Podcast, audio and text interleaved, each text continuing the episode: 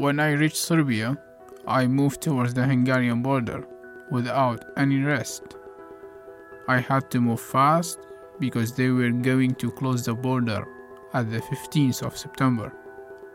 My plan was to go through Hungary to Austria, but I was 15 hours too late. Det här är Kutaiba. Hans resa till Sverige började i Mosul. Han tog familjens gamla bil och försökte komma ihåg vad han lärt sig de två gånger han övningskört med sin pappa. I telefon hade han hjälp av sin svåger och i bilen hade han sin mamma och två syskon. De skildes åt i Turkiet när Kutaiba fortsatte till Sverige. Han korsade många landsgränser på sin väg hit. En av dem var den ungerska. When I reached the border, it was closed and people were flooding the streets. Some of them had missed the border with just two hours.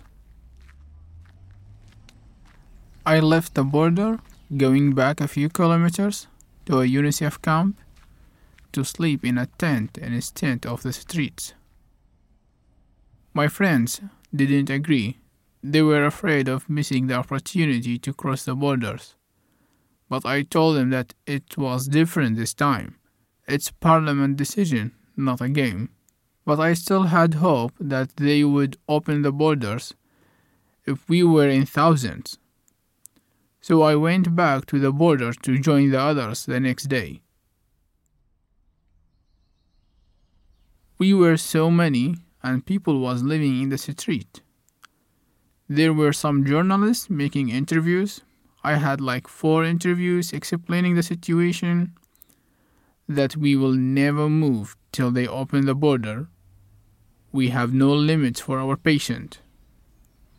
There were some organizations I helped them to distribute blankets, food, water, small tents, and building a big tent for 15 people. As time passed, I started to realize that they would never open the border, so I began thinking about other options.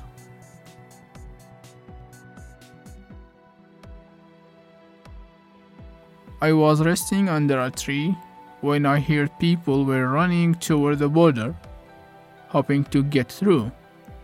My friends were some of them, but I didn't run because I didn't believe that the border was open. I waited for my friends to come back to me for as long as possible. When they didn't come, I went looking for them and saw that it was a chaos.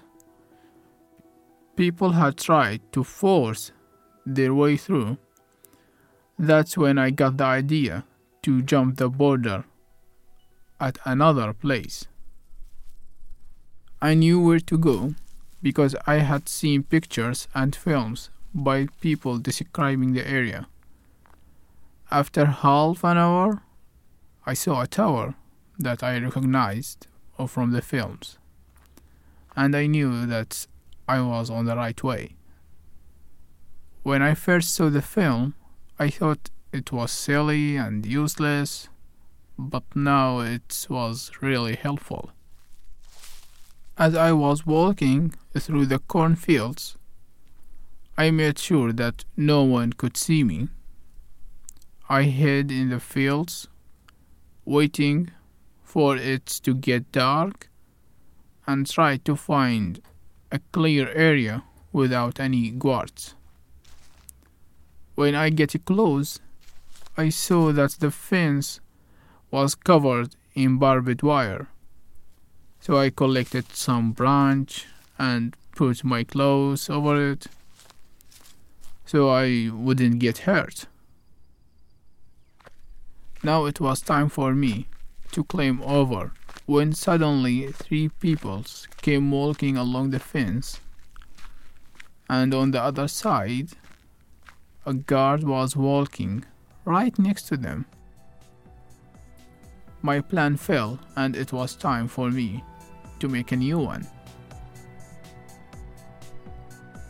I plan everything, even in minutes. I've always been like that, and that is what helped me on this journey. I researched everything I could, made notes on my phone and in my memory in case of the phone would get lost. I tried to imagine what would happen in many scenarios as possible because it's not enough to just have a plan.